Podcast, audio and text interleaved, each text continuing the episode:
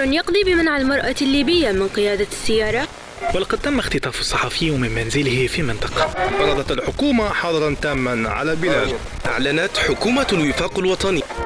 أخبار زائفة وخطاب كراهية واعتداءات على الصحفيين وما فيش تشريعات ولا قوانين تحمي الصحافة والصحفيين.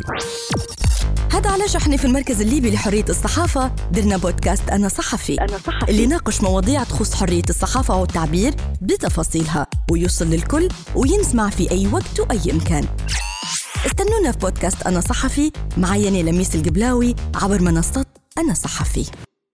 هذا البودكاست ضمن مشروع أصوات من أجل التغيير بالشراكة مع معهد صحافة الحرب والسلام وبتمويل من الاتحاد الأوروبي.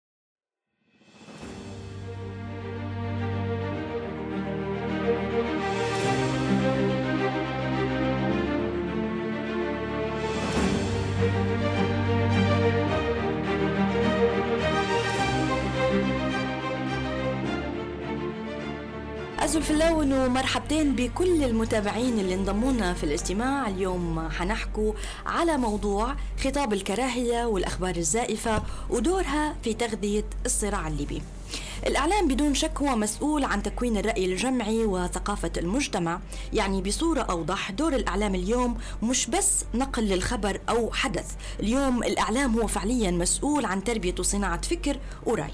وفي ظل ظهور ال social media ومواقع التواصل الاجتماعي رقعة الإعلام والمحتوى بدأ يضخم ويوصل للكل حرفيا بمختلف الأعمار. ازدادت سرعة انتشار الأخبار والأحداث وزادت المنافسة على دقة الأخبار وتوثيقها بالصورة للتأكيد. وبسبب ازدياد أو تزايد إقبال الناس على مواقع التواصل الاجتماعي اللي اعطت مساحة للتعبير لمختلف أطياف البشر، زاد معها خطاب الكراهية اللي يعتبر نوع من أنواع العنف اللفظي آه، ولغة القدح والقذف والشتم والتعصب والإقصاء تعلو فيه بحدة. أما عن الأخبار الزائفة اللي حتى هي ظاهرة زاد انتشارها بسبب نفس الشيء توسع رقعة مواقع التواصل الاجتماعي بطريقة التلفيق والكذب والتشويه لغرض تحقيق مصالح إما كانت سياسية أو اقتصادية الاقتصادية ويزيد انتشار الأخبار الزائفة خلال الأزمات زي الحروب والحملات الانتخابية أو آه، حدث عالمي زي اللي إحنا نمر به حاليا جائحة الكوفيد 19 اللي هي حتى أو لهذا اليوم قاعدة هي مسرح لانتشار الأخبار الزائفة عن الوباء. مشكلتين حنحاولوا نحكوا فيهم ونحاولوا نوصلوا لحلول مع ضيوفنا في الاستوديو. معنا سيد مراد وهو متحقق بالوقائع وسيد محمد الناجم مدير تنفيذي للمركز الليبي لحرية الصحافة. مرحبتين بكم. أول شيء أو أول موضوع حنتكلموا عليه هو الأخبار الزائفة ومن بعدها ننتقل تباعا لموضوع خطاب الكراهية. نبدأ معك سيد مراد. آه، ونبدو نفهموا يعني مفهوم التقصي عن الوقائع بتفصيل أكثر. آه، وكيف المتلقي يقدر يميز بين الخبر الحقيقي والمزيف؟ ما يخص الأخبار الزائفة. هي عبارة عن مجموعة من المعلومات. أو هو البيانات طبعا اللي اللي للأسف يتم معالجتها بطريقة يعني آه، يا إما غير دقيقة في حالة يعني في افتراض حالة افتراض حسن نيه أو يعني بطريقة تخدم غرض أو نية مسبقة آه، تتعارض مع الحقيقة في حد ذاتها وفي الحالة هذه طبعا تتسمى يعني حتى كاصطلاح ما ينقالهاش مع المعلومات المظلة اللي تجمعهم التجمع العليا اللي هي مع نعم. المعلومات الزائفة تحت المعلومات المضللة اللي هي بغاية ونية التعمد في في التضليل والأخبار الخاطئة؟ يعني لو هذا التسمية الصحيحة في حالة تكون يعني عملية التضليل هذه غير متعمدة يعني ما يكونش في نية مسبقة عند الشخص اللي تعاطاها واللي تنقلها يعني للإضرار بالناس. مسألة يعني كيف يعني يتم التعامل معها وكيف يعني في مراحل في مراحل قبلية المفروض يبدأها الإنسان حتى الإنسان العادي مش بالضرورة متحقق من الوقائع إحنا مأمورين يعني من خلال مجموعة من المنظومات لو جاز الوصف بالأخلاقية المنظومة هذه ممكن تربي الإنسان حتى بعيدا عن مظلة الشرع اللي هو تربية الأهل في البيت سواء كان يعني بغض النظر عن مسألة الديانة في حد ذاتها. المنظومة الأخلاقية هذه تخلي الإنسان يعني يعرف أن رأس ماله في الحياة هي مصداقيته والمصداقية تبدأ من عدم تناقل يعني معلومات أنا ما عنديش مش متأكد من صحتها آه، بمعنى ثاني زرع بذرة الشك في يعني في فينا كلنا كبشر بحيث يعني لو لما جينا أي معلومة مهما كان مصدرها ما نتعاملش معها يعني فورا على أساس إن هي مسلمة وحقيقية ونبدأ نتعاطفها.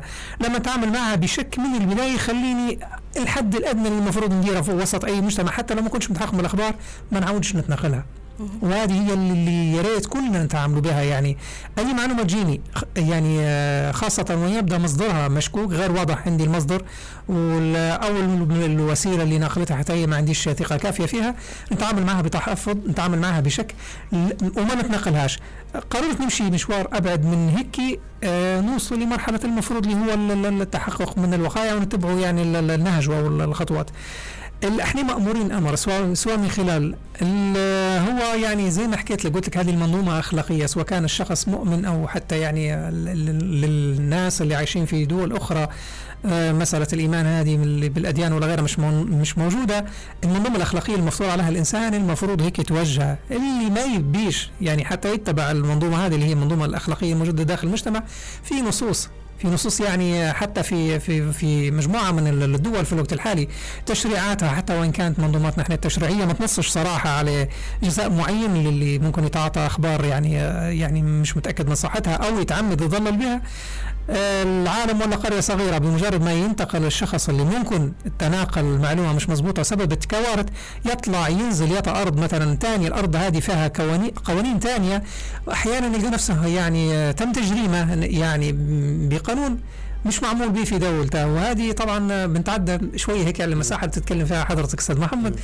آه هذا اللي صار للي السيد هذا اللي كان مشغل قناة الألف تلة في في رواندا. بالضبط.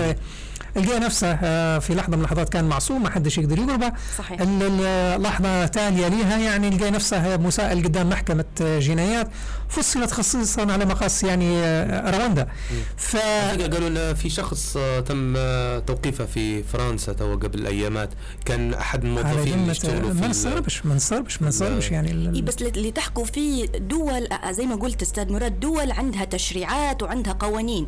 بس إحنا في ليبيا تو قاعدين حتى حضرتك لما بديت بالإجابة على السؤال قلت كل واحد مفروض يكون فيه بذرة ويزرع نحاول نزرع بذرة بحيث إن إحنا يبدأ عندنا خلينا نقولوا نضبطه أو ما ننشرش الخبر هذا إلا ما نعرف خلفيته. وكأن كل حد لازم يحمل المسؤولية. ما نقدرش ندير control على شعب كامل ونقول له والله لا أنت كل واحد فينا لازم يكون في من داخله متحقق من الوقائع. في هذه نتفق معك. لكن خلي نجولي مسألة المصادر والوسائل. يعني لو التزمت المصادر والوسائل بشكل رئيسي بمسألة التحقق من الوقائع حتى من باب حرصها على مصداقيتها لأن لو ما كانتش يعني حريصة على المصداقية فهي طبعا المصداقية نتيجة متمه الدقة يعني والمسؤولية والموضوعية. لو ما ركزتش يعني حتى من الجانب هذا اللي له علاقة بإثبات مصداقيتها حينعكس حينعكس عليها يعني على يعني وإحنا عندنا عايشين الظاهرة هذه وأكيد حيتكلم عنها الاستاذ محمد مجموعة من وسائل الإعلام الموجودة في الفضاء الليبي يعني انتهت مصداقيتها بالنسبة للمواطن لما يسمع فقدت الثقة ما بين الجمهور وما بين وسائل الإعلام بالضبط يعني. بالضبط كل. على فكرة كل استطلاعات الرأي اللي ان تجرى ان يعني تدل إن الجمهور عنده مشكلة ثقة مع وسائل الإعلام بالضبط صحيح. بالضبط فديما في ثمن للي ما يبيش يعني يدير قيمة لمسألة المصداقية ديما في ثمن داخلي وخارجي آه يعني لو ننتقل يعني نزيد نستفيد أكثر في الإجابة بنقول لك أن الحد الأدنى الحد الأدنى في التعامل مع المعلومات خاصة اللي تبدأ فيها يعني يعني لما لما يقدر المستمع أن تنقلها ممكن يعني وأعتقد أن قلب المؤمن يقولوا دليله يتوقع أن ممكن لا قدر الله انعكاسها يكون يعني يعني سلبي بشكل كبير على المجتمع. منها على سبيل المثال تو في موضوع كورونا حد يتناقل معلومة المعلومة هذه ممكن تكون مغلوطة لكن تخلي ناس ممكن تتساهل وتتهاون يعني مع مع المرض البعيدة. وجزاكم الله خير أنتم في واحدة من الحلقات يعني كنتم منتبهين بشكل مبكر وحاولتوا توعوا الناس بها. فالاثار يعني أحيانا الإنسان حتى لما في لحظة مثلا يستفيق يلقى روحه خلاص يعني الثمن كان غالي هلبة ما عادش يقدر يفادح وما يعرفش كيف يتعاطى معاه ويرجع للخلف ويصلح من فالحد الأدنى نتعامل مع مع أي معلومة تجيني بشك والشك هذا أول حاجة نقدر نديرها مهما كان موقعي في أي مكان. عدم تناقل معلومات خاصة اللي ممكن لا قدر الله تسبب يعني عواقب وخيمة على المجتمع اللي نعيش فيه. تمام. حنرجع لموضوع المص- المصداقية معك أستاذ مراد. نمشي للسيد محمد الناجم لخطاب الكراهية.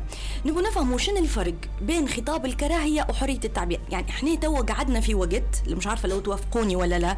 بدأ أي حد يعني مثلا حتى آه، لما ما نبي ننتقد شخص أو ممكن نقده ننتقده حتى مهنيا يعني مش على الصعيد الشخصي آه، آه، نسبة الحساسية زادت وبدأ مصطلح زي مثلا مصطلحات التنمر بدأت تطغى على الساحة وبدأ أي شيء يقول لا والله يتنمر علي فلان مع أنه قد يكون فلان عنده الحق في, في النقد متاعه. فنبغى نفهموا شنو الفرق بين خطاب الكراهية مثلا وحرية التعبير. آه هذه نقطة مهمة جدا لأن المجتمعات الغربية الآن آه ديما في خلافات وجدل على النقطة هذه. يعني مثلا لما نجي آه نعرف على حرية التعبير آه كيف مثلا يفسرها في الولايات المتحدة تختلف عن تفسيرات مثلا يفسرها دول أوروبية آه خصوصا مثلا بريطانيا أو مثلا آه فرنسا. ال- الأمر آه في شعرة ما بين نقدر نقول أن هذه حرية تعبير أو أن هذه خطاب كراهية أو أن هذه تنمر. فالمسألة أعتقد أن آه في نهاية الأمر هي ترجع للتقدير الشخص للمسؤولية المهنية أو إحنا نسموها المسؤولية الصحفية للشخص في آه كيف يميز ما بين أنه هو هل يقدم في محتوى أو مضامين آه هي بالفعل تدخل في صلب حرية التعبير وأن هذه جزء من حرية التعبير أو أن المواد أو المحتوى هذا اللي يقدمه قد يكون آه، يمثل خطاب كراهية. يعني مثلا لما نجي آه، الآن مثلا يعني حضرب مثال بسيط الآن الانتقادات اللي توجه للحكومة من الشارع الليبي فيما يتعلق بالفساد وغيره هذه حرية تعبير هذه هذه يعني هذه أساس حرية التعبير. آه، أنا أتذكر أن رئيس رئيس حكومة الوفاق الوطني لما طلع في التلفزيون وقال اللي عنده آه، وثائق فساد أو غيرة آه، ضد الدولة قدمها. الليبية يمشي يقدمها لأقرب مركز شرطة. آه، أعتقد أن هذا استخفاف بعقول الم- ال- ال- المواطن أو أو الجمهور في المجمل أنك أنت آه، الجمهور في طبيعة الحال هو لا يملك أي وثائق أن تدل بأن هذا أشخاص فاسدين متورطين مثلا في الفساد. بينما الجمهور من حقه لأنه هو يرى في إنه وضع بائس وضع معيشي سيء انعدام الخدمات. فبالتالي الجمهور هو بيعبر عن رأيه بأن آه، بيتهم الحكومة بأن هي هي هي فاسدة أو إن هناك أشخاص فاسدين في الحكومة. بينما هذا الجمهور في نفس الوقت لا يملك أي أدلة لا يملك. أي معطيات.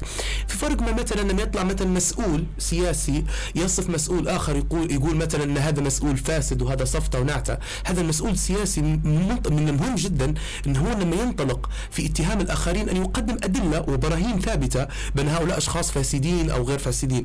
فالمسألة هي راه معقدة جدا. هي مسألة كيف إنني آه، آه، أول حاجة من المهم جدا أن نقدس رأي الجمهور المواطن البسيط والإنسان البسيط اللي في الشارع طالما إنه هو يحب يظهر في الإعلام أو إنه هو مثلا ينتقد بقوة أو إنه هو أكيد في كل شيء في أطر محددة وفي أطر يعني آه، تكون منطقية. بس لكن مهم جدا إن نميز ما بين الآراء اللي يقدمها السياسيين اللي هم لابد إنه هو لما يقدم أي رأي يكون ناضج وفي نفس الوقت يكون مسؤول عن الراي اللي هو يقدمه أو أي اتهامات يقدمها على الراي العام. أو إن الجمهور أو الناس المواطنين العاديين ان هم يقدموا مثلا يعبروا على آرائهم يعني. فهذه هني راو أنا ضربت مثال ممكن آه ما أعرفش إذا كان واضح أو لا بس لكن حاولت بقدر الإمكان ان, إن, إن, نفرقوا ما بين إن الحاجة هذه هل هي حرية تعبير أو إن خطاب كراهيه إيه. طيب هني بكري آه، قلت لك نبي نرجع أستاذ مراد لموضوع المصداقية. كيف نقدر نبني مصداقية في وسائل الإعلام الليبية آه، اللي ليها علاقة أو اللي آه، منها إحنا نستشفه في أخبارنا اليومية سواء صحف سواء تلفزيون؟ كيف نقدروا يعني تقدر تعطينا مثلا طرق مفروض إحنا أو مفروض مؤسسات الإعلامية ووسائل الإعلام الليبية تتبعها؟ هو في مس... مسألة جزاك الله خير يعني. في مسألة مهمة هلبا. وهذه لا تنباع ولا تنشر ولا كذا هي التزام داخلي تنطلق به المفروض ال- ال- ال- المؤسسات. ال- الغرضية السببية يعني طبعا إحنا في فضانا هذا اللي فضاء الاعلام الليبي. نعم. لكل قناة يعني غرض وسبب تم انشائها على من أجله. وفي مصادر تمويل.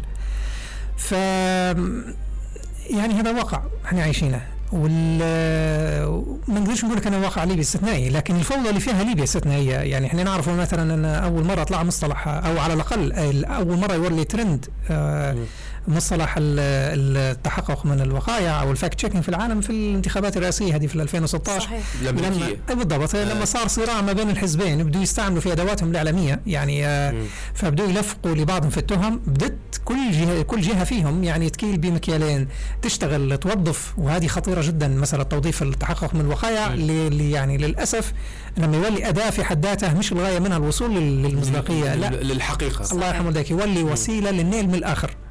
فمن جانب تلقي يعني فيه سلاح أو يعني ذراع يعني مخصص للتعاقب من الوقائع خصيصا مفصل عليه على مقاس أخطاء الخصم أو يعني مشاكل الخصم مقابل يعني عمى ويعني وعدم بصيرة نهائي في الجزء اللي له علاقة بالأخطاء أخطاء الذات يعني فالأولى تنطلق من مسألة يعني هم ليش قلت لك مثلث يعني لما أنت تكون دقيق بس تكون دقيق ضد الآخر بس انت في الحالة هذه خليت بشرط مهم هلبة اللي هو المسؤولية. المسؤولية راهي ضمنيا داخل تعتبر أخلاقية.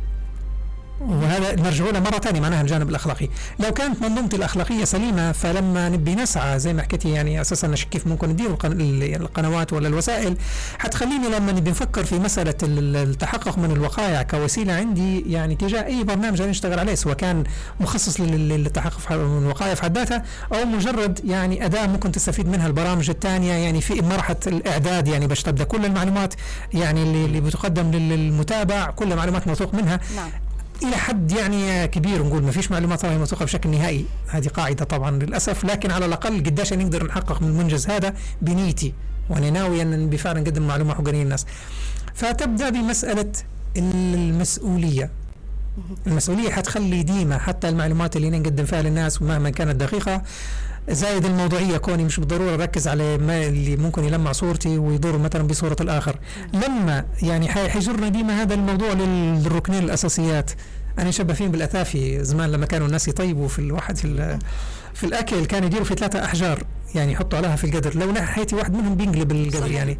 فهذا المصداقية عبارة عن ال ال ال الاستقرار اللي ممكن القدر يقدر يقعد عليه يعني فوق النار. نحيتي واحدة منهم تتبظع مش حيصير منها يعني. صحيح. فنفس الفكرة يعني ال ال بدون بدون يعني توفر الأركان هم ثلاثة مع بعض في خلطة واحدة في مطبخ في مطبخ الإعلام مش حنقدر نوصل للمرحلة هذه النهائية اللي هي المصداقية بس لكن في السياق الليبي نحن نفتقد الأمور هذه للأسف للاسف, يعني. للأسف. آه آه هي في نفس الوقت أنت ذكرتها المشكلة يعني وفق تحليلنا المتعلق بالمسألة الإعلام في هلبة عوامل هي أصبحت تراكمية ما بعد 2011 هي سببت الوضعية اللي نحن موجودين فيها. أول شيء نحن آه، الدولة تعاني من آه، فراغ طبعا في الإطار التشريعي وهذا ممكن نفردوا له حلقة آه، لوحدها أن كيف نتنا كيف أن المشاكل اللي يعاني منها الإعلام الليبي وكيف أن أصبحت تتراكم بمرور الوقت ما بعد 2011 و, و يعني للأسف ورغم أن في هلبة مبادرات قيدت وكانت بالفعل أشخاص وقفوا وراء هذه المبادرات لنية سليمة لمسألة ضرورة استقلالية الإعلام وضمان استقلالية الإعلام. آه الآن نحن في مرحلة إذا كنت تلاحظوا مثلا حتى القرار الأخير لتشكيل المؤسسة الليبية للإعلام وغيرها نلاحظ أن آه آه هناك صراع خفي تقود فيه أطراف تملك مؤسسات إعلامية ربما تمويلها أجنبي أو غير آه، معروف المصدر ويعني آه، من الواضح أن كل وسائل الإعلام ذات الرأس مال الكبير هي مش معروف مصادر تمويلها آه، أو شفافية مصادر تمويلها بشكل واضح. فضد القرارات اللي تصدر فيما يتعلق بإدارة تنظيم الإعلام نحن بطبيعة الحال مش مع القرار ولا نحن بس نحن ضد التوسع في الصلاحيات في إعطاء سلطة تنفيذية لصلاحيات واسعة لعملية إعادة هيكلة الإعلام وغيرها الأمر مرتبط مسألة إصلاح الإعلام الهيكلي والقانوني لقطاع الإعلام مرتبط بمسألة مناهضة خطاب الكراهية والأخبار الزائفة. الآن بعد 2011 يعني كانت وسائل الإعلام التلفزيونية هي الأكثر تأثير. في الحرب الأخيرة مثلا نلاحظ إحنا في كل حرب تصير إن تزيد تبرز دور ال social media بطريقة أقوى تزيد تبرز المنصات اللي هي مش معروفة المصدر وغيرها اللي جزء منها يملك بالآلاف. بعضها نعم. يصل لمليون آه، آه، م- يعني مليون إعجاب وغيرها هذه المنصات بالفعل هي الآن اللاعب الحقيقي والرئيسي صحيح. في الحرب الأخيرة خصوصا بعد آه، 4 4 2019 فبعد 4 4 2019 لاحظنا إن كان حتى تركيز كل الأطراف مش على ال- ال- القنوات التلفزيونية كان على ال social كان ميديا. يتركز على ال social media وكيف كيف تحشيد ال social media للأطراف وهذا اللي خلق حاجة اسمها الزيف العميق أو ال deep fake يعني مم. كيف ال- تزييف الحقائق بطريقة عميقة جدا لإقناع ال- ال- ال- ال- المستخدمين على الإنترنت. معناها هنا نقدروا نتفقوا إحنا إن المشكلة رقم واحد في في الإعلام في ليبيا هي عدم الشفافيه في في الوسائل عفوا في التمويل في تمويل وسائل الإعلام. هذه المادة- هذه هذه آه، هذه هذه هذه من أساسيات الأشياء يعني ان يعني يعني مثلا لما إحنا آه، آه، نحكوا على على أي شيء متعلق آه، هناك مثلث آه، حنستخدم المثلثات اليوم إيه. اللي هي الإعلام آه، المنظمات المجتمع المدني والأحزاب. يعني هذه هذا مثلث مهم جدا انه يكون شفاف وبالفعل إنه هو يكون مبني على شفافية فيما يتعلق مصادر تمويلة ومصادر إنفاقة. بس محمد ما فيش منظمات سامحني هناك تعطى لك يعني منظمات المجتمع المدني المعنية بالإعلام قلة اللي تشتغل واللي فعلا شغلها موجود على أرض أرض الواقع. مش عارف لو توافقني ولا لا. هل تشوفها قائمة بدورها. آه، هي ما هي مسألة راو ما لأن ما فيش نفس را أنا أنا لاحظت أن ال- ال- المشكلة فيما يتعلق ب ب ب ب بالإعلام أو المنظمات ال- الغير حكومية اللي تشتغل في قطاع الإعلام هي متعلقة بالنفس. كيف من الممكن آه، نفس وأن تكون في رؤية واضحة أن المنظمات هذه اليوم وين موجودة بكرة وين حتكون موجودة وشيني آه، عندها من برامج ورؤية. آه، فالمسألة راو المسألة يعني نسبية تقدر تقول. إيه هي أن أنا اوافقك ان ما فيش نشاط أو حراك قوي من المنظمات الغير حكومية ل آه، آه، يعني الدفاع عن مسألة أو بالأساس هي الدفاع عن مسألة حرية التعبير والصحافة وتكوين الجمعيات وغيرها. هذه المنظمات ضعيفة لأن البيئة هي غير مساعدة. هذه جزء آه، مهم. وجزء آخر هو متعلق ببناء القدرات في داخل المنظمات نعم. هذه. نعم. طيب آه، أستاذ مراد آه، كيف المتلقي ومستخدم ال social media اليوم يقدر يميز بين الخبر الحقيقي والمزيف؟ أنا اليوم فاتحة فيسبوك وختم علي ومر علي خبر شفته. متعلق بأي شيء. كيف نقدر نعرف إنه هو هذا مزيف أو هذا حقيقي؟ شنو شنو ال- ال- الصفات اللي, اللي تميز هذا الخبر المزيف أو ال fake news والله هو تو في الوقت الحالي وصلنا لمرحلة أن حتى ال- الأخبار المزيفه بدت أكثر إقناع من الحقيقية. هلبة بالضبط. كان تو يتكلم سيد محمد على يعني تشوفها بالفيديو وتشوفها أي. بصورة أي. ولين لدرجة يعني تبدأ تقول "أو اني مع- والله لو شفت الفيديو. ما عندكش إلا مش عارف هو ما يكون نتمنى يكون المصطلح مش غريب يعني هلبة في مصطلح ألماني يقولوا له الجوشتالت. آه عكس المعنى العام اللي إحنا نقولوا عليه عادة يقول لك الكل يساوي مجموع أجزاء واحد زائد واحد زائد واحد زائد واحد بيطلع الناتج اللي يساويهم. الجوشتالت لا. الجوشتالت هي المحصلة النهائية اللي تصير يعني آه، من ناتج اتحاد مجموعة من الأشياء تحتها ال- والناتج هذا يكون أعلى في القيمة من من لو كل آه، وحدة منهم قاعدة مفردة. بمعنى آه أنا لا يمكن بأي حال من الأحوال نقدر نتحقق من موضوع ونوصل ل يعني لصحته من عدمه إلا إذا كان حققت من ثلاثة عناصر أساسية لها علاقة بال- بالخبر. ال- المصدر هو نبدا المفروض بالوسيلة في العادة لأن في من وسائل إحنا ما عندناش الثقافه هذه إحنا ممكن حياتنا كلها ساخرة. أي نعم لكن ما عندناش ثقافة ال- اللي هي الأخبار الساخرة لجانب عندهم. فلجانب يعني من الناحية هذه مرتاحين شوية بمجرد ما تنطلق كفقاعه بتاع ترند موجود أول ما بيرجع المتحقق من الوقائع بيشوف هل ال- ال- المصدر كان أو الوسيلة هذه كانت يعني ساخرة ولا لا. في منصات ساخرة الموجوده برا صحيح. بص صراحة تقول لك أن كل الأخبار الموجودة عندنا رأي ساخرة وأي تشابه بينها بالواقع وما صدفه لا غير يعني. إحنا ما عندناش. ورغم حياتنا قلت لك يعني هي كلها مرارة ساخ... ساخ... سخرية مريرة يعني. يعني نتأكد من ركن الوسيلة وال... وفي أدوات نقدر نتأكد بها من ركن الوسيلة. بعدين نتأكد من ركن المصدر وفي أدوات نقدر نحلل المصدر حتى هو. لمكوناته ونتحقق من كل مكون بروحه. وبعدين نجي لل... للادعاء في حد ذاته أو الموضوع هنا. نحلل عناصره. هل هو صورة؟ هل هو مثلا عنوان بس يعني خبر عاجل بس معناها؟ هل هو مثلا صوت؟ هل هو يعني فبنفكك المكونات بتاعها وبنستعمل مع كل مكون أداة من الأدوات. نتيجة المعركة اللي بنخوضها هذه في التحقق من كل الأركان هذه كل واحدة مفردة يعني بروحها أحيانا معلومة موجودة في واحدة من الأركان هذه ثلاثة تجيب لي خبر تجيب لي يعني الحكم اللي له علاقة بال بال بالواقعة كلها. وأحيانا يكون الموضوع سهل من خلال يعني تحليل بسيط إذا كان هي مثلا صورة ربما يكون اللي مثلا يعني طبعا بالراهن في الحالة هذه يكون ممكن اللي هذا مصطنع الادعاء نفسه هاوي أو ما هوش مركز فنقدر نفضحها بسهولة.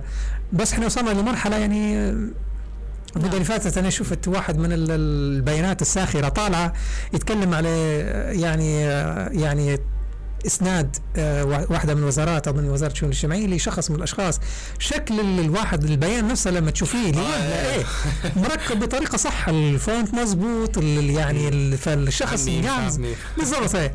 آه هو طريف لكن شوفي لوين بدا الموضوع صعب. اللي خلاني في الحالة هذه عرفت أن الموضوع ساخر يعني ما هوش حقيقي الصيغة اللي جايبها الصيغة اللي جايبها بالضبط إيه. هي وهي سامحني في نفس الوقت آه، لكن الطريقة اللي يحكي فيها أستاذ مراد آه، المستخدم العادي حتكون صعب عليه صعب انه إن هو بيتحقق من صفحة هذه صفحة حقيقية وجادة أو لا وإنه هو بيتحقق من المصدر اللي جاي منه المعلومة. يعني هذه تفاصيل ممكن حتصعب على المستخدم آه على المستخدم العادي الخبير هو اللي حيعرف أكثر. هنا هنا نقدر نقول لك كيف ممكن يكون فاعل الشخص اللي مثلا واجه التحقق واستعصى عليه مثلا تحليله. في منصات بدت موجودة تو في الوقت الحالي للتحقق من الوقائع ومحلية ليبية. ما فيش أي مانع. نراسل المنصات وهي راي فعلا. تو واحدة التحقق بالضبط. بنضرب يعني مثال بمنصة موجودة وبدينا كنا نفخر بها. يعني الحق هي في المنطقة اللي هي منصة فتبينوا منصة فتبينوا بدت يعني في المرحلة الأولى كانت عندها صعوبة في إيجاد مواضيع باش نعم. تتحقق منها لأن مرحلة البحث على مواضيع متعبة. وأنا نعرفها كويس هي قديش هي نعم. متعبة. بس آه، يعني بمجرد ما قرروا يعني التحقق بالمشاركة مع المجتمع نفسه بدت تجيهم يعني ادعاءات من المجتمع اللي هم عايشين فيه ووصلوا لمرحلة صارت لهم تخمة يعني. لو جازت الكلمة باستمرار عندهم مواضيع يتحققوا منها. فهني يعني بكل بساطة اللي موجود يعني مثلا اللي عنده مثلا تحقق شافه قدامه. وحار فيه. ما قدرش يتحقق منه بكل بساطة. يقدر يكون إيجابي يحول المنصات وهم بدون موجودة. نقدر نسمي توا يعني لأنها فالصو مثلا واحدة من المنصات. صحيح. يراسلهم على الخاص يقول من الموضوع هذا مثلا واجهني وهذه نقطة مهمة أن إحنا كيف نشجع الجمهور أو مستخدمي ال social media أن هم يراسلوا المنصات هذه آه، وأن هم يطلبوا منها التحقق أن يبدأ المواطن. العادي هو اللي يراسل المنصات مش بس الخبير. إحنا عندنا قبل ما نرجع لك سيد محمد ونرجع لك سيد مراد عندنا تقرير آه، وحنستعرضوه في تقرير إذاعي قصير عن التقرير الدوري الأول عن خطاب الكراهية والأخبار الزائفة للمركز الليبي لحرية الصحافة واللي آه، سينشر عبر منصة فالسو. نسمع التقرير ونرجع من بعدها منصة فالسو وهي منصة رقمية بحثية تشتغل على الرصد الإعلامي بهدف توعية الجمهور الليبي بحالة التزييف اللي تمارس فيها وسائل الإعلام في الشبكات الاجتماعية. مشروع فالسو أطلقه المركز الليبي لحرية الصحافة لرصد خطاب الكراهية والأخبار الزائفة. وفي بداية إبريل 2019 كانت بداية اندلاع النزاع العنيف اللي غير الخطاب الإعلامي في عدد من وسائل الإعلام بشكل حاد وخلاهم يستخدموا لغة التحريض والحض على الكراهية بشكل كبير. وأظهرت نتائج التقرير الدوري الأول لمنظمة فالسو تصدر الأخبار والتقارير الصحفية المكتوبة النسبة الأعلى اللي تصير فيها إخلالات مهنية بواقعة 48% من بعدها في الترتيب كانت الصور والفيديوهات اللي يتم بثها بنسبة 17% أما الإخلالات المهنية بالعناوين الصحفية جت في الترتيب الأخير وكانت بنسبة 14% وفيما يتعلق بتصنيف الأخبار الكاذبة كانت الاتهامات دون أدلة هي الأعلى بين بقية الإخلالات المهنية بواقع 52% والأخبار المضللة والمتحيزة في المرتبة الثانية ونسبة الخلط بين الرأي والخبر كانت الأقل ب 6% بعدد تكرارات 288 إخلال تم رصده. انطلقت دراسة المركز الليبي لحرية الصحافة بعنوان منصات إعلامية تمارس الجريمة. وصحفيوها يتباهون بخطاب الكراهية للإجابة على التساؤل شن هي وسائل الإعلام المحلية اللي تبنت أسلوب التحريض وشن هي سبل مكافحة هذا الأسلوب؟ وتم استخدام منهج المسح الإعلامي من خلال الأسلوب الوصفي والكمي لرصد الأخبار الزائفة وخطابات العنف والتحريض. فترة التحليل وإعداد التقرير كانت بين 1 إبريل و30 يوليو. ومكانيا اندارت الدراسة في نطاق حدود مدينة طرابلس الإدارية واللي استنجات الدراسة إن سبب ارتفاع خطاب الكراهية في بعض مواقع التواصل الاجتماعي بسبب الأداء السلبي لوسائل الإعلام الليبية، غياب الجهات الرقابية والتشريعية لمراقبة هذه الوسائل الغير ملتزمة بأخلاقيات المهنة. بالإضافة لإدارات التحرير في هذه المؤسسات اللي اشتغلت على تأكيد الرسائل السياسية الغالب عليها الطابع الكراهي إذا من بعد ما سمعنا التقرير آه، عودة ليك سيد محمد حسب تجربتك يعني كمدير تنفيذي للمركز الليبي لحرية الصحافة هل في أنواع لخطاب الكراهية؟ طبعا التقرير آه، هو يحكي على آه، آه، خلاصة البحث اللي أنجزناه هو على خطاب الكراهية والأخبار الزائفة في الربع الأول لعام 2020 هذا طبعا اشتغل فيه كادر كبير جدا من الأشخاص سواء زملائنا في تونس وهنا في في طرابلس الراصدين اللي اجروا على عمليات الرصد والمتابعة اليومية. نحن اخترنا 15 وسيلة إعلامية وفق آه، استطلاع رأي كان ضمن دراسة ملكية وسائل الإعلام في 2019 كان الجمهور اختار آه، ما يقارب ال 20 وسيلة إعلامية ليبية. قال بأن هذه الأكثر آه، متابعة الأكثر أنه يعتمد عليها الجمهور نعم. كمصدر للأخبار. فاخذنا ال 20 وسيلة إعلامية هذه اشتغلنا على رصدهم من شهر 10 2019 نقلصناهم ل 15 وسيلة لأن طبعا الموضوع كان متعلق بالكادر البشري اللي يقوم بعملية الرصد والتتبع بشكل 24 ساعة على مدار اليوم. وفي نفس الوقت آه، آه، أن بعض وسائل الإعلام تم استبعاد وسائل الإعلام اللي هي تعتبر وسائل إعلام منوعة وترفيهية. حنسمي مثلا زي WTV زي سلام زي 218 هذه قنوات استبعدت برغم أن هي كانت ضمن آه، يعني أن الجمهور يتلقى منها المعلومات نعم. والمصادر المعلومات. بس لكن استبعدناها لأن هي دي قنوات منوعة. بينما مثلا 218 نيوز موجودة مثلا. ف كانت مثلا بوابة الوسط كانت موجودة ضمن الوسائل الإعلامية ولاحظنا أن في عملية الرصد اللي قلنا بها برغم أن هي بوابة يعني تنشر نعم. أخبار سياسية وكان المستهدف أن هي وسائل الإعلام اللي تتعاطى مع الشأن العام سواء وكالات أنباء مواقع إلكترونية وقنوات تلفزيونية. فدرنا عملية رصد لصفحاتهم على فيسبوك ولمواقعهم الإلكترونية شن ينشروا وعملية تحليل للخطاب نتاعهم تصنيفات خطاب الكراهية طبعا هي متعلقة بتصنيفات خطاب الكراهية وتغطية النزاعات المسلحة في ليبيا خصوصا أن نحن بلد يعيش في حالة نزاع مسلح. فطبعا آه، آه، في في التصنيفات آه، يعني الدعوة للعنف والقتل أو التحريض والسب والتشهير أو التنميط والوصم أو نشر صور فيديوهات أسرى أو ضحايا حرب أو نشر صور لقتلى أو يعني في مجموعة تصنيفات موجودة في التقرير لكيف إن إحنا نصنفوا خطاب الكراهية؟ يعني مهم جدا واحدة من الأشياء أن لما نجي نقول أن هذا خطاب كراهية كيف نصنف أنه هو خطاب كراهية؟ لأن هذه مهمة جدا. يعني هذه مسألة آه، آه، ما نقولش خطاب كراهية وخلاص. شنو هو خطاب الكراهية؟ خطاب الكراهية حاجة كبيرة مفهوم فضفاض.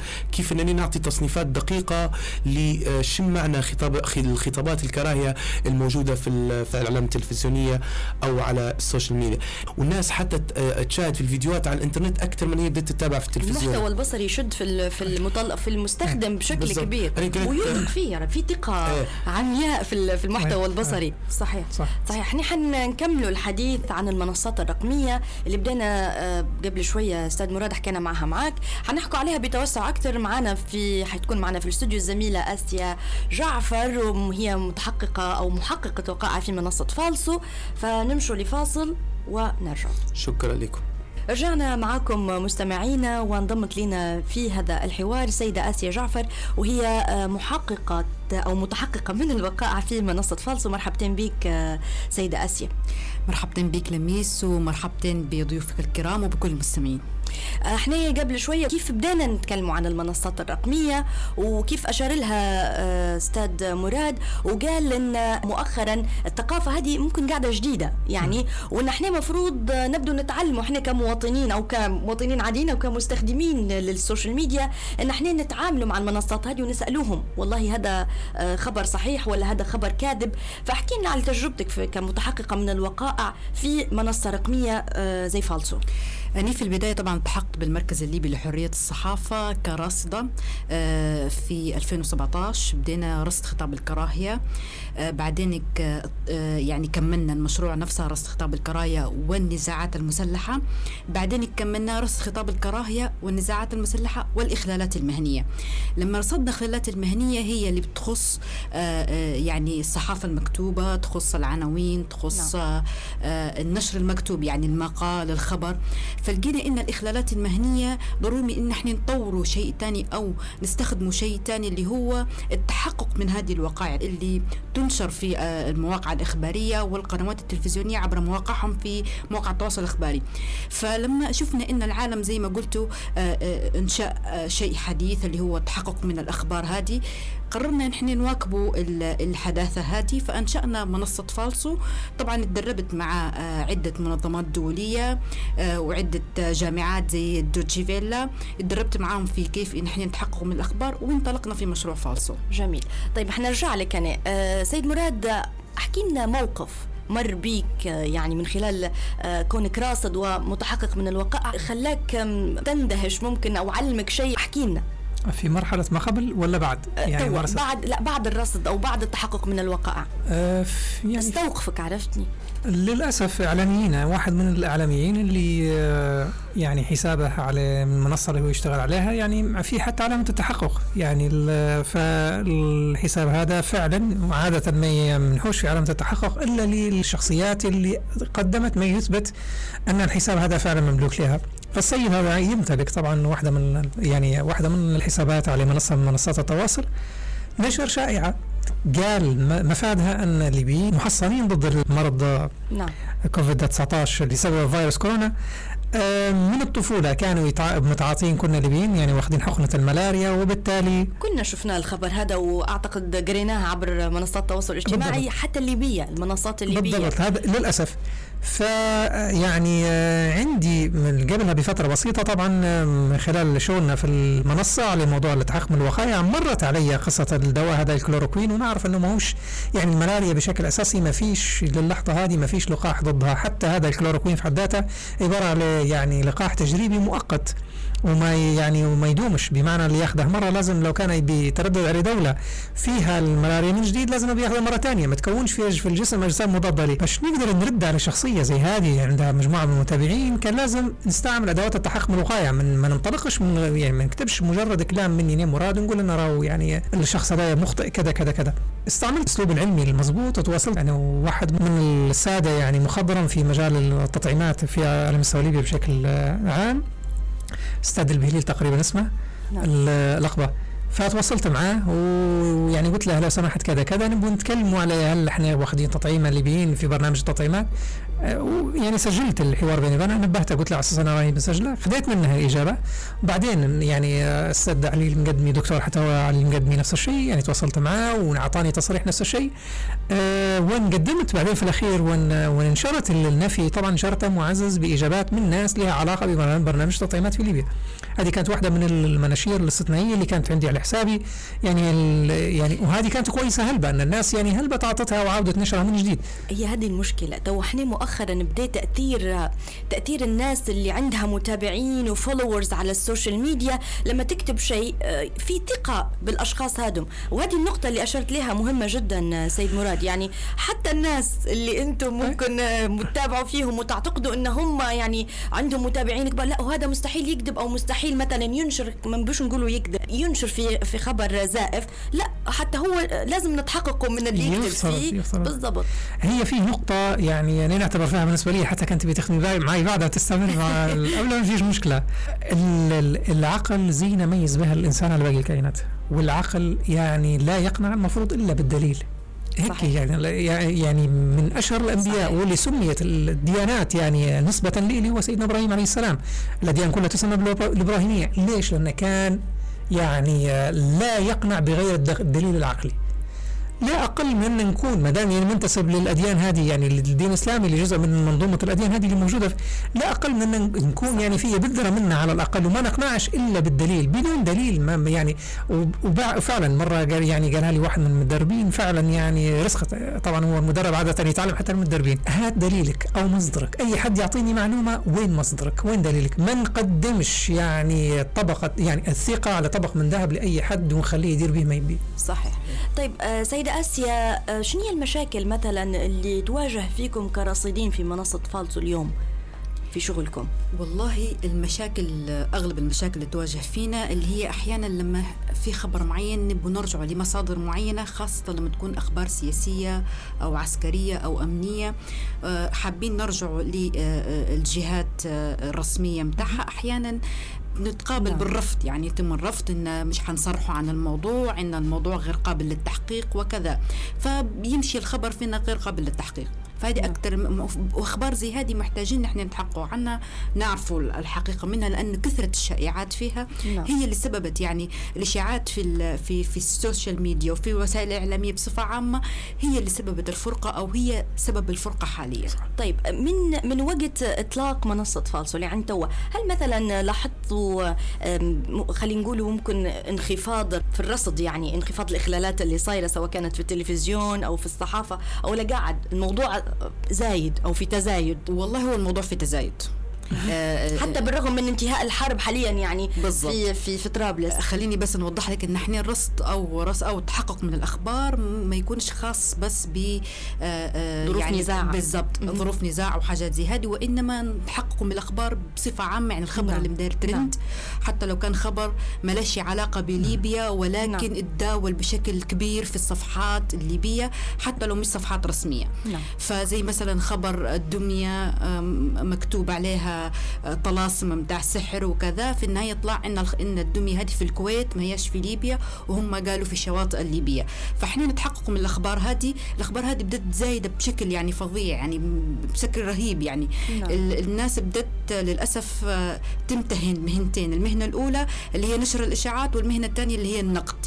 أي شيء ينزل يتم نقده أو أي شيء يكون فيك أو خبر زائف فانتشار الأخبار أصبح بشكل كثيف. فإحنا كل يوم في عملية رصد الأخبار في عملية التحقق منها في عملية التحقق من المعلومات من المصادر نفسها.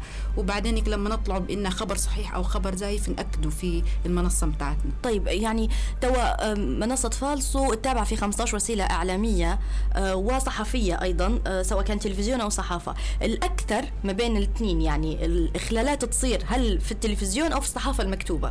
طبعا بالنسبة لرصد آه، خطاب الكراهية والإخلالات المهنية طبعا زي ما قلت لك في البداية إن آه، مشروع بدأ به المركز الليبي لحرية الصحافة لأن خش فيه رصد الإخلالات المهنية فلازم إن إحنا نتحققوا من الوقائع أو نتحققوا من الأخبار فهذا باش ارتبط بمنصة فالسو نعم. آه، بالنسبة للزيادة والنقصان الزيادة كل يوم زايدة بالنسبة لي الزيادة ما بين أيوة الزيادة ما بين المواقع الإخبارية والقنوات صحيح. التلفزيونية طبعا في فرق. القنوات التلفزيونية أكثر نشرا لخطاب الكراهية لأنها زي ما تشوفين وسيلة أسرع تنشر الفيديوهات بالنسبة للفيديوهات بعدين في عملية تكرار. يعني تكرار نشرات الأخبار تكرار البرامج حتى هي تحسب في الإخلالات المهنية. بعدين نشرهم للفيديوز الفيديوز يحتوي على مشاهد صادمة أحيانا يحتوي على جثث يحتوي على آه، عرض الأسرة يحتوي على نعم. يعني في مشاهد تعد من من الإخلالات المهنية أو خطاب الكراهية. الإخلالات المهنية خاصة بالمواقع آه، آه، الإلكترونية خاصة بالشيء المكتوب. يعني إن إنك تلقي الخبر إنك تلقي الخلل في العنوان عنوان مثير وكاذب أو تلقي ال ال ال الخلال في الخبر نفسه أو إنك تلقي آه، يعني خبر شائعة أو خبر نعم. مضلل. نعم. فهذا باش إن إحنا في تفاوت. يعني نشر المادة المكتوبة مش بكمية زي نشر الفيديوز. نعم. يعني إحنا والله نتمنى إن الحوار يطول أكثر وأكثر في المواضيع هذه. بس كلمة أخيرة منكم آه، آه، سادتنا الكرام في الاستوديو اليوم. السيد مراد. الشك الدليل والتواصل يعني هذا اللي يعني نتمناه من الناس الشك في أي معلومة جينا السؤال عن الدليل والتواصل مع منصات التحقق من الوقائع نحول لهم يعني وهم مستعدين يتحملوا المسؤولية نحول لهم نعم. بالطريقة هذه نكون إيجابي أما مسألة تناقل كل ما هو موجود بدون نعم. يعني تحقق للأسف هو هو ال share. هي ال share هذه. هذه ال share. أنا كان نلقى فيسبوك ولا تويتر يلغى الزر هذا. يعني وفي في ناس عندهم حب ل- لنشر أو ق- أحيانا هي تكون له مش من مش بقصد يعني. على سبيل ال- زي ما قلت ال- السخرية أو الدعابة في ناس تحب تشير هلبة. بس المشكلة في النوع الثاني من الناس ما تقدرش تسيطر على الكل. شكرا لك سيد مراد. بلال. المايك ليك سيدة آسيا. أنا نحب أول شيء ننصح الناس إنهم أول ما يتعرضوا لخبر يحسوا إنه في إشاعة أو خبر مضلل أو مش قادرين يصدقوه يبعتوا بلاغ لمنصة فالسو وإحنا حنتحقق منه.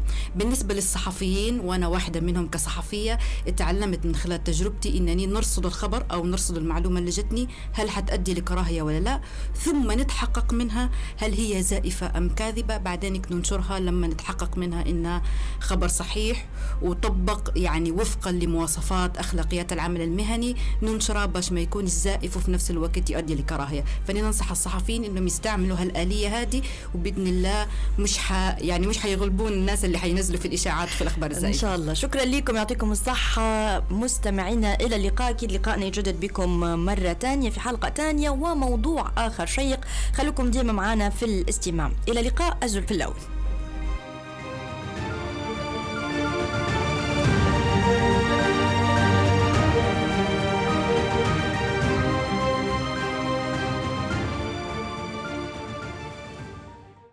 تم إنتاج هذا البودكاست بدعم مالي من الاتحاد الأوروبي.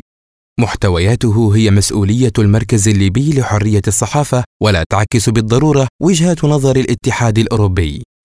قرار يقضي بمنع المرأة الليبية من قيادة السيارة ولقد تم اختطاف الصحفي من منزله في منطقة فرضت الحكومة حظرا تاما على البلاد أعلنت حكومة الوفاق الوطني أخبار زائفة وخطاب كراهية واعتداءات على الصحفيين وما فيش تشريعات ولا قوانين تحمي الصحافة والصحفيين. هذا علاش إحنا في المركز الليبي لحرية الصحافة درنا بودكاست أنا صحفي. أنا صحفي. اللي يناقش مواضيع تخص حرية الصحافة والتعبير بتفاصيلها ويوصل للكل وينسمع في أي وقت وأي مكان استنونا في بودكاست أنا صحفي معي لميس القبلاوي عبر منصة أنا صحفي.